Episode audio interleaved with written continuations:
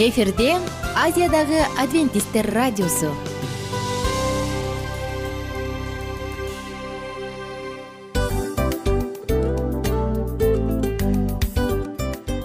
Достор салют.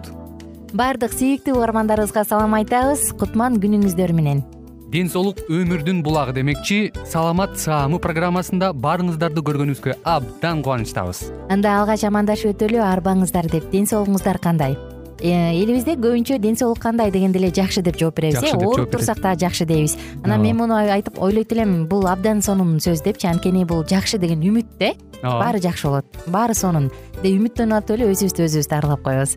Анысы кандай? Сиздин дагы ден соолугуңуз жакшы беш деген үмүттөбүз чындыгында ден соолук бул өмүрдүн булагы деп бекеринен айтылган эмес деп ойлойм. Кыргыз элинде анткени эгерде ден соолук жок болсо анда адамдын жашоосунда калган баардык керектүү маңыздуу нерселер өзүнүн баалуулугун жоготуп коет. Ошондуктан ден соолук бул эң керектүү нерсе. Ооба туура айтасың кесиптешим чынында ден соолугуң жок бир эки үч күн ооруп калсаң эле э кандай болуп калат? Жашоодо көз каранды болуп каласың көп нерсеге жетишпей каласың көп нерсени кыла албай каласың жада калса эчке дүкөнгө да чыга албай каласың. Туптуура анан ден соолук болсо демек биз биздин бактыбыз тоодой деп койсок болот.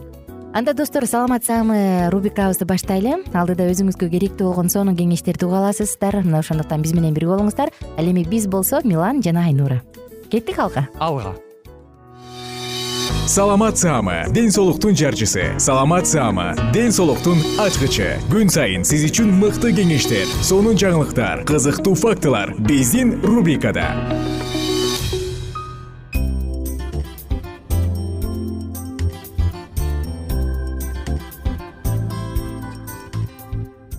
Кутман күн достор кандайсыздар угармандар сүйүктүү угармандарыбыздын баардыгын жыштыгыбыздан тосуп алганыбызга кубанычтабыз.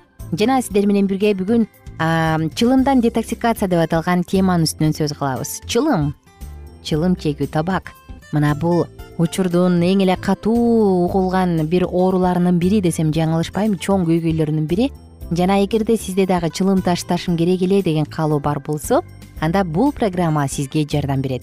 Чылым никотин биз билебиз э? Чеккен адамга дагы анын жытын чекпей эле жыттап турган адамга дагы абдан зыян анан ар кандай коркунучтуу ооруларды баардык оорулардын ичинен онкологиялык ооруларды рак ооруларын алып келүүчү коркунучтуу адаттардын бири. Ошондуктан бул нерсе бизге кереги жок. Эми достор сок смузи тундурмалардын баардыгын ичүү сөзсүз түрдө организмден токсиндерди чыгарганга жардам берет. Ал эми бул токсиндер болсо тамекинин жытынан келген токсиндер. Эң эле биз биринчи айта турган бул суу көп ичүү керек анткени организмде калган никотин зара тер аркылуу денеден чыгат. Ошондуктан колдон келишинче баардык биз айта турган смузи соктордон тышкары суу көп ичиш керек. Бул дүйнөдө достор ушул табак сыяктуу токсиндерге бай болгон нерсе өтө эле аз. Ушул эле чылымдын курамында алты миң организмге чоочун болгон алты миңден ашык зат бар. Элестетиңиз тамекинин курамында алардын жетимиши бул канцерогендер. Канцерогендер албетте организмди чоң коркунучка дуушар кылат анын баардыгы тең уу организмге жаман зыяндуу таасирин калтырат. Ошондуктан биз сиздерге суусундуктарды ичүү менен бирге туура тамактануу табигый дарылануунун методдорун ыкмаларын колдонуу менен жана руханий психологиялык жардам менен бул нерсениден тамекини таштаса болот экендигин айткыбыз келет. Сөзсүз түрдө мында дагы организмдин баардык каналдарын тазалаш керек колдон келишинче. Эми эң негизги табактын чылымдын курамындагы негизги токсиндерди кантип чыгарыш керек? Биринчи кезекте углероддун окиси бул өпкөнүн жолдорунда калгандыктан өпкө аркылуу гана сыртка чыгат. Тагыраак айтканда биз терең терең дем алып улам терең дем алуу көнүгүүлөрүн жасаганда чыгат. Никотин никотин зара жана тери аркылуу сыртка чыгат. Демек колдон келишинче көбүрөөк суу ичип мөмө сокторун ичип никотинди чыгарганга жардам беришибиз керек. Жана чылым деготь бул болсо өпкөлөрдө өпкөбүздө сакталып калат жугулат. Ал сыртка чыгыш үчүн адамга көп убакыт керек. Мына ошол себептен дайыма бир нече жылдар бою сок смузилерди антиоксиданттарга бай азыктарды көбүрөөк жеп детоксикация программасын бат баттан кылып туруу сунушталат. Жана албетте табигый дарылануу жөнүндө сөзсүз айта кетишибиз керек. Бул жерден сауна барга көп отуруу парда отуруу тердетет адамды демек тери аркылуу никотин сыртка чыгат. Табактан детоксикация детоксикациянын менюсун айталы чылымдан детоксикациянын бир күндүк менюсу эртең мененки тамакта сиз былжырларды тазалоочу сок ичишиңиз керек болот. Мында сизге бизге керектүү ингредиенттер. Ананас редиска пияз бал. жүз отуз жети килокалория жүз жыйырма беш миллилитр соктун. Мунун баардыгы тең биздин бронхтордон былжырларды түнү менен чогулган былжырларды чыгарганга жардам берет. Экинчи завтракта болсо жөтөлдөн сок ичебиз фенхель пияз сабиз балдан жасалат. Жөтөлүбүздү жеңилдетип жана биздин дем алуу органдарыбызды рак дегенерациясынан сактайт түшкү тамакта. Никотинден детоксикация кылабыз. Лайм жана сабиз өндүрүлгөн буудай меласа мята керек. Булардын курамында а б жана с витаминдери бар. Никотинден детоксикация кылганга жардам берет. Түштөн кийинки тамак. Таттуу тынчтык деп аталган смузи дагы да сунушталат. Банан клубника кокос сүтү өндүрүлгөн буудай бал жана сулуу үлпүлдөгү сунушталат ошондой эле достор кечки тамакта биз тынчтандыруучу чай ичишибиз керек болот. Мында валериананын тамыры мелисанын жалбырагы липанын гүлдөрү жалбырагы жана бал. Анда калорий жокко эсе жана биздин нерв ооздуулугубузду ыжырдануубузду тынчтандырып никотинден баягы никотин жетишпей атканда организм талап кылат го ошол нерсени жеңгенге жардам берет. Ошондой эле достор тамекиден тамекини таштоо үчүн бизге эмне жардам берет? Тамекини ташташ үчүн бизге беш күн тамекини таштоо планын коюп алганыбыз жакшы. Бир күн аралыгында көп суу ичиш керек. Ошону менен бирге күнүгө с витаминине бай азыктарды жешибиз керек ичишибиз керек. Апельсин лимон грейпфрут киви ширеси. Жана ошондой эле өндүрүлгөн буудай пивные дрожжи с витамини б витаминине бай азыктарды жеп туруу сунушталат ачуу өтө таттуу жана туздалган азыктардан баш тартыңыз бул учурда. Кофе ичпеңиз алкоголдук суусундуктарды ичимдиктерди ичпеңиз уйкуну кандырыңыз жана сөзсүз түрдө медициналык психологиялык жана руханий жардам үчүн жакындарга э, керектүү тийиштүү адистерге кайрылыңыз. Цитрус соктору жөнүндө айта кетсем баардык соктордон тышкары күнүнө с витаминине эмне бай болсо ошонун баардыгын ичип туруу сунушталат анткени бул нерсе дагы бир жолу айтайын организмден никотинди сыртка чыгарганга жардам берет. Чылым достор адамдын дем алуучу органдарынын баардыгын тамак сиңирүүчү органдардын баардыгын жабыркатып адамды коркунучтуу рак оорусуна алып келет. Дагы бир жолу айтайын. Ал эмес тамекини сатып алып жатканда баягы коробкалардын сыртында сүрөттөрдү көрүп алып туруп үрөйүң учат э? Кызыл өңгөчтүн рагы өпкө рагы ушул ушул оорулар бар. Ушул ушул оорулар пайда болот деп. Бирок ошого карабай эле жапжаш болочок эне боло турган кыздар агаларыбыз апаларыбыз эжекелерибиз байкелерибиздин сатып алып атканын көрүп ичиң атышат. Достор эмне кереги бар? Жүз сом жүз элүү сомго оору сатып алып анын сизге кандай кереги бар? Андан көрө ошол акчага мөмө жемиштерден жеп жашылчалардан жеп коюңуз сизге дагы жакындарыңызга дагы пайдалуу. Бир апа жакында жолдошуна урушуп атат сен тамекиң дейт айына жеген чеккен тамекиң пенсияңдан ашып кетип атат деп көрсө ата үч миң сом пенсия алат экен төрт миң беш миң сомго жакын акчага э, чылым сатып алат экен да. Анын эмне кереги бар? Ошондуктан ооруларды сатып албайлы э, туура жакшы пайдалуу адаттардын ээси бололу жана сиздер менен коштошом. Күнүңүздөр көңүлдүү маанайда улансын. Бар болуңуздар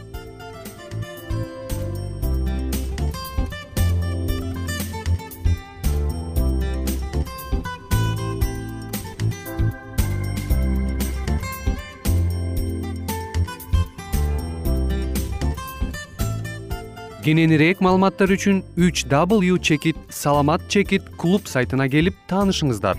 Жана андан тышкары социалдык тармактарда youtube facebook жана instagram баракчаларына катталыңыз.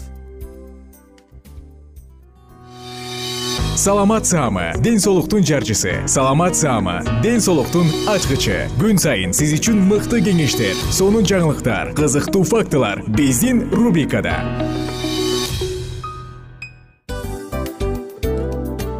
салам достор. Кайрадан биздин сүйүктүү рубрикабызга кош келиңиздер деп айтмакчыбыз. Баардык замандаштарыбызга арбаңыздар деп саламыбызды айтабыз. Улуу ушундай бир урматтаган учурашуу менен анан дил маек радио баракчабызга чакырабыз. Негизи дил маек биздин рубрикабызда эмне жөнүндө кеп кылабыз бул дил маектин мааниси эмнеде рубрикабыз менен кичине тааныштырып кетсеңиз. Сөзсүз түрдө тааныштыра кетейин. Кесиптешим суранычы боюнча бул учурда бул радио баракчада биз ар тарап кесип ээлеринен сонун кеңештерди алабыз сүйлөшөбүз сырдашабыз. Аталарыбыздын эжелерибиздин апаларыбыздын кеңештерин угабыз айтор. Жан дүйнөгө адамдын э, сапатына адамдын деги эле адам болуп жашашына керектүү баардык кеңештер алдыда. Негизи э, дил маек дегенде баягы эки адамдын ортосундагы сырдашуу кенен сүйлөшүү. Негизи эле биз адамдар бири бирибиз менен бир жерге жай жерге отуруп алып өзүнчө тынч э, жашоо жөнүндө өмүрүбүздө эмне болуп атканын бөлүшкөнү жакшы көрөбүз э адамдар. Ооба туура айтасың анан э, мындай учурга кээде убакыт да жетпей келет э? Же болбосо сырыңды кайгыңды муңуңду кубанычыңды айткың келет а адамга ишенбешиң мүмкүн. Ооба. А бул радио баракча угармандарыбыздын чыныгы досу. Анткени бизден алган кеңеш сиздин жашооңузга чоң жардам берет. Ал эми сиздин бизге айта турган сөзүңүз ортодо гана сыр бойдон калат. Ошондуктан биздин дил маек рубрикабызга дагы бир жолу кош келиңиздер. Жана биз даярдаган маалыматтарга даяр болуңуздар. Айнура жана милан сиздер менен бирге алдыга кеттик ар түрдүү ардактуу кесип ээлеринен алтын сөздөр жүрөк ачышкан сыр чачышкан сонун маек дил маек рубрикасында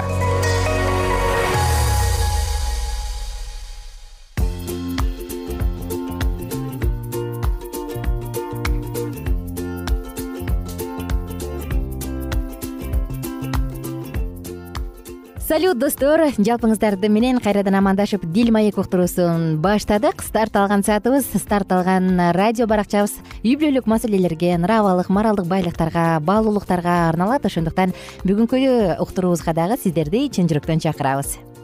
Амансыздарбы урматтуу угармандарыбыз. Кайрадан эле биз сиздер менен бүгүн үй бүлөлүк багытка арналган уктуруубузду баштайбыз. Кесиптеш маанай жакшыбы эң сонун албетте баардыгы жакшы. Кеттик анда эмесе. Угармандарыбыз менен бүгүнкү программабызды э, угармандар бизди күтүп калды болуш керек андыктан баштайлы абдан күтүп атат болуш керек. Анткени биз мурунку уктуруубузда үй бүлөдөгү конфликтти кантип чечиш керек? Мына ошол жөнүндө сөз кылып айтып баштаганбыз. Э анан эгер психологдордун оюна таяна турган болсок сексен пайыз чыр чатак бул материалдык жетишсиздиктен келип чыгат дегенбиз. Бирок мен айтат элем бир гана ал эмес деп э урушкусу келген адам баардык жерден уруша берет болуш керек. Байлык бийлик баардыгы колунда болсо деле урушкусу келген адам же урушчаак адам баягы кынтык издеген адам баары бир табат болуш керек ооба сөзсүз түрдө өзүң айткандай баягы элибизде дагы бир э, тамашалуу кеп катары айтып калышат эмеспи ачуулуу адам бул э, мурдун көрсөтүп койсо деле ачууланып эмнеге мурдуңду көрбөсүң деп.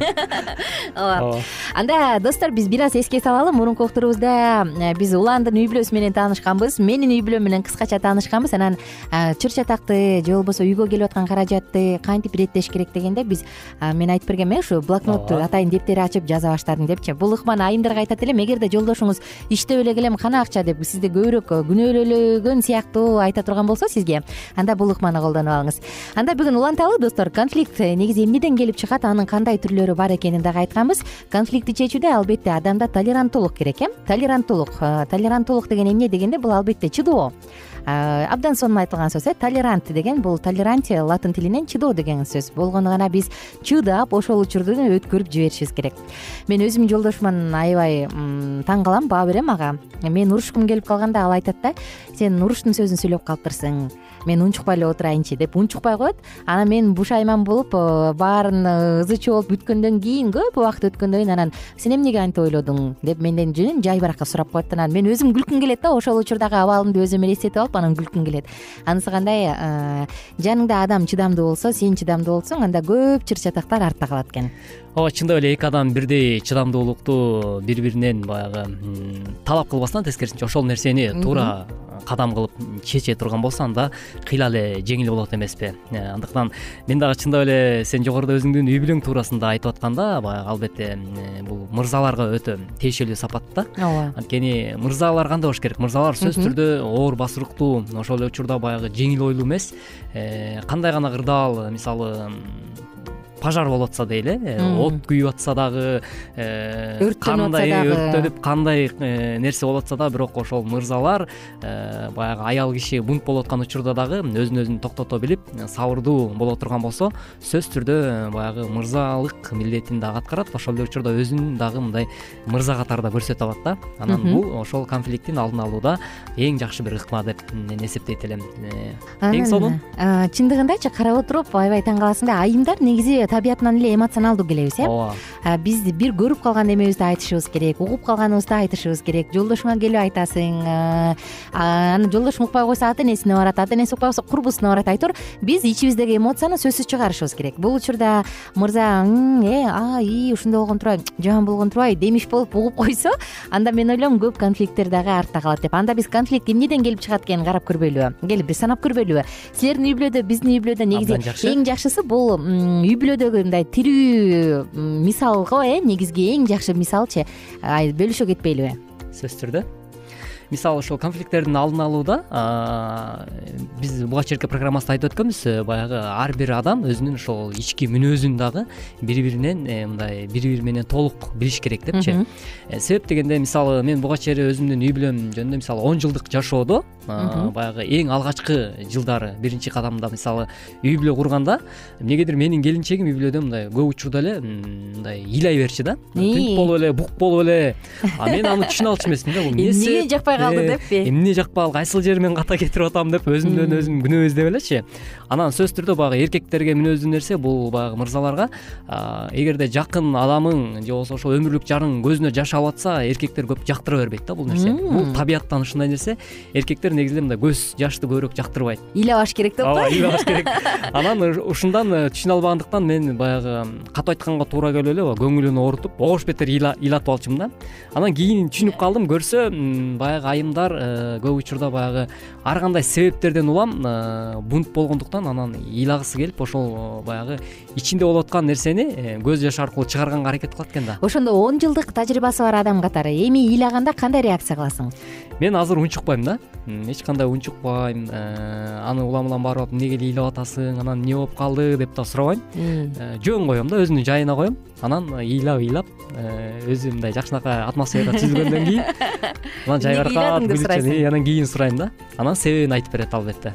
Ал айтпайбы ушул ыйлап аткан кезде мен сенин келип жөн гана кучактап Э, алтыным баары жакшы болот ыйлаба деп айтып коюшуңду күтөм деп айтпайбы сага. Балким кээ бир айымдарда ошондой болушу мүмкүн. Э, жолдошунан кандайдыр тарапта баягы колдоо күтөт э сороону күтөт сороону күтүшү мүмкүн.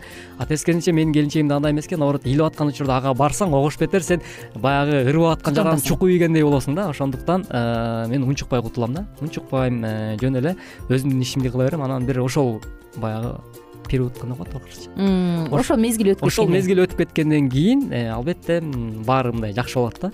А тескерисинче мен ошо ыйлап аткан учурда барып аны сурай турган болсом анда конфликт э, баягы күчөп кетиши мүмкүн. Качып кутулбайсың андан ооба. э? Жакшы.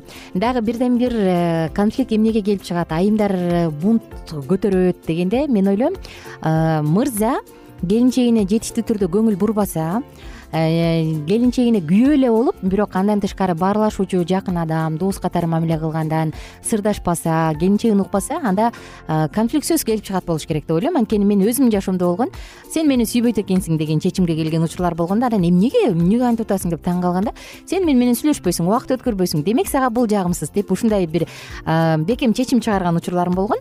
Анан ал жок бул деген таптакыр башка деген. Анда биз убактыбыз соңуна келип калды кийинки уктуруубузда ушул теманы эле андан ары э?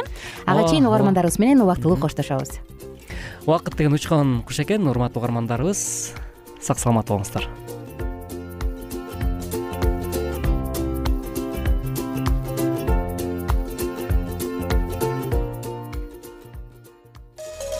Ар түрдүү ардактуу кесип ээлеринен алтын сөздөр жүрөк ачышкан сыр чачышкан сонун маек дил маек рубрикасында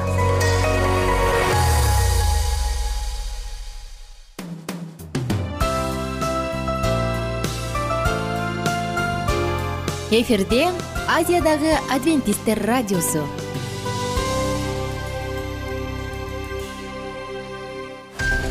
Жан дүйнөңдү байыткан жүрөгүңдү азыктанткан жашооңо маңыз тартуулаган жан азык рубрикасы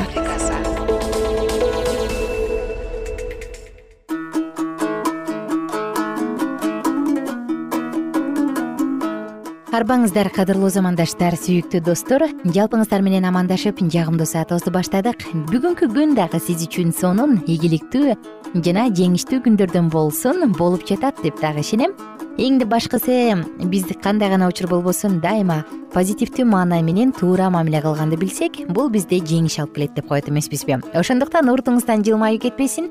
Биз менен бирге жан дүйнөңүздү азыктандырыңыз эске салсам достор сиздер менен бизге биз пайгамбарлар китебинен нундун уулу жашия китебин окуп жатканбыз. Мурунку уктурууларыбызды эске салсак мурунку уктурууларда жашиянын колунан ысрайыл элинин колунан өлүп калбаш үчүн гибон уулу аларга калп айтып келип алыс жактан келдик деп келишим түздүрүп алардын кол алдында кул болуп калышат. Отун жарып суу ташып калышат.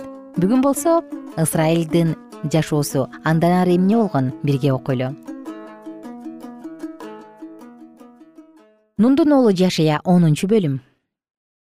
Жашия айды басып алып аны каргышка калтырганын жерихо анын падышасын кандай кылса айды да анын падышасын да ошондой кылганын жана гибондо жашаган эл ысрайыл менен тынчтык келишимин түзүп алардын арасында жашап калганын иерусалим падышасы адону седек укканда абдан коркту анткени гибон чоң шаар болгон. Падышанын шаарларынын бир катары айдан да чоң эле жана анда жашагандардын баары эр жүрөк болгон.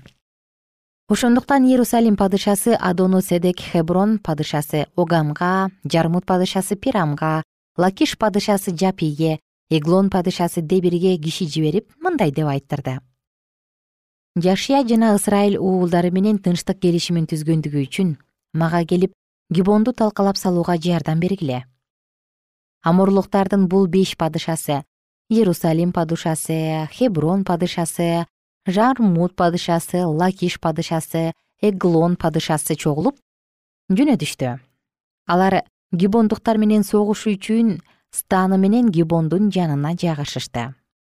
Гибондо жашаган эл ысрайыл станына гилгалда турган жашияга киши жиберип өз кулдарыңан колуңду тартып алба тезирээк кел бизди куткар жардам бер анткени тоолордо жашаган аморлуктардын бардык падышалары бизге каршы чогулушту деп айтырышты ошондо жашия баштаган эл жана согушка жарактуу эр жүрөк эркектердин бардыгы гилгалдан чыгышты. Теңир жашияга мындай деди алардан коркпо анткени мен аларды сенин колуңа салып бердим. Сага эч ким туруштук бере албайт жашия аларга капыстан кол салды. Анткени ал гилгалдан түнү бою жол жүрүп келген эле алар ысрайылдыктарды көргөндө дүрбөлөңгө түшүштү.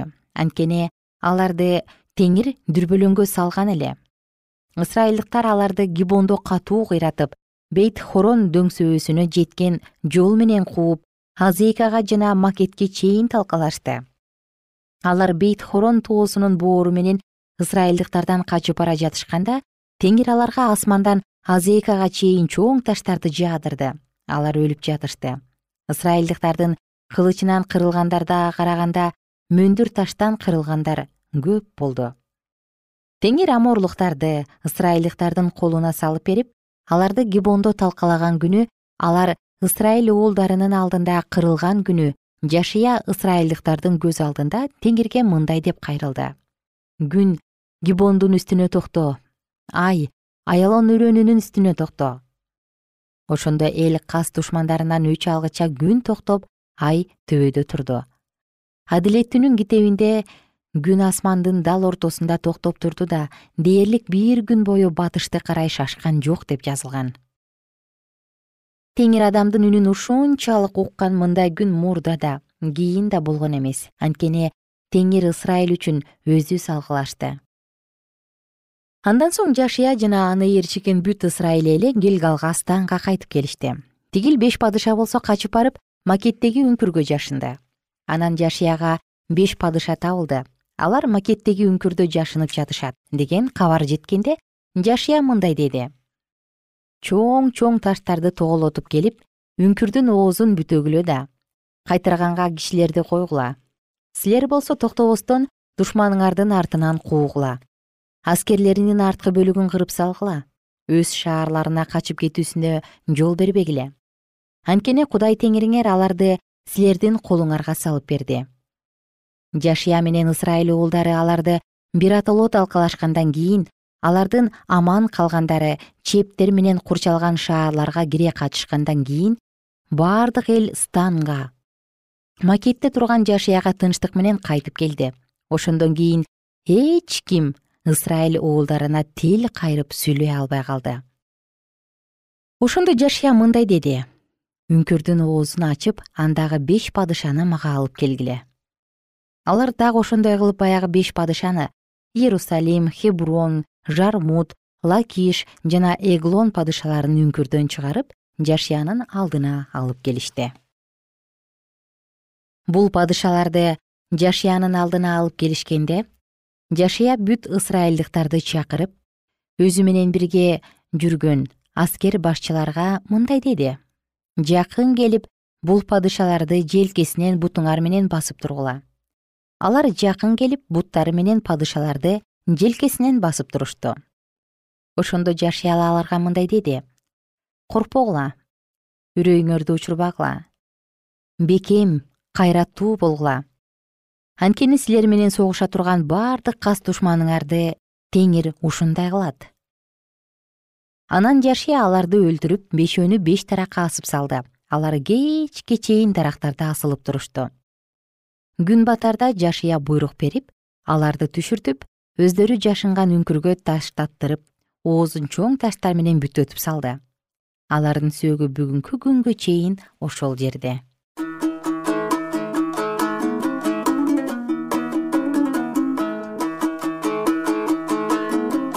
кызык окуялар. Эгерде кудай биз менен болсо эгер кудай биз тарапта болсо анда бизге ким каршы тура алат деген сөз ушундай э? Ысрайылдын жашоосунда дагы кереметтүү учурлар даңазалуу учур даңазалуу доор десем жаңылышпайм анткени алар нундун уулу жашия кудайдын тилин алгандыктан ысрайыл эли кудайды уккандыктан алардын жашоосунда баталуу жана жеңиштүү учурлар болуп жаткан чагы окуя андан ары эмне болот? Нундун уулу жашия учурунда дагы кандай кереметтер болгон? Биз сиздер менен кийинки уктурууларда тыңдайбыз. Ага чейин кайрадан амандашканча сак саламатта туруңуздар.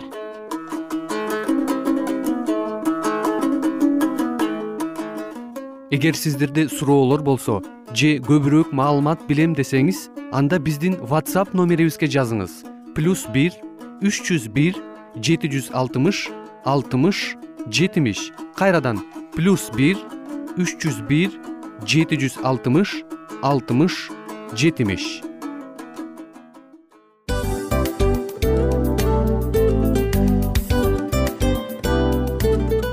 Ушул менен достор программабыздын уктуруубуздун эң кайгылуу мөөнөтүнө келип жеттик кайгылуу дегенде ыйлагым келип кетти кесиптеш. Кадимкидей. Анткени баягы учурашасың анан коштошуу учур келгенде ии кантип ии эми бат баттан келиптир э сагындырбай деп атып араң коштошобуз го. Анысы кандай угармандарыбыз менен коштошчу учур келди. Кийинки уктурууларды сагыныч менен жүрөгүбүздө кусалык менен күтөбүз жалпыңыздарды анан жарым сааттык уктуруу көз ачышым канча өтүп кетти. Сөзсүз бирок бизде жакшы кабар бар. Кийинки уктурууларыбызда сөзсүз дагы кезигишебиз. Анткени биз көптөгөн сюрприздерди кызыктуу маалыматтарды жана керектүү керектүү нерселердин көпүнчөсүн даярдадык. Андай угармандарыбыздын баардыгына ийгиликтүү күн каалайбыз эгерде бүгүнкү күнүңүз өзгөчө э, өтүшүн кааласаңыз анда позитивдүү ой жүгүртүп жылмайып жакындарыңызга жакшы маанай тартуулап жүрө бериңиз анткени сөзсүз түрдө мунун арты кайтат э? Сөзсүз. Баягы ден соолугуң оңолот ал бул деп көп нерсени санап келебиз. Эң негизгиси бул сиздин жашооңузду жаркын кыла түшөт экен. Жараткан кудай ар бирөөңүздөргө батасын берсин жашооңуз ийгиликтүү болсун сак саламатта калыңыздар деп мен милан жана кесиптешим айнура. Баардыгыңыздар менен кийинки уктурууда үн алышканча. Баарыңыздарга ийгилик каалайбыз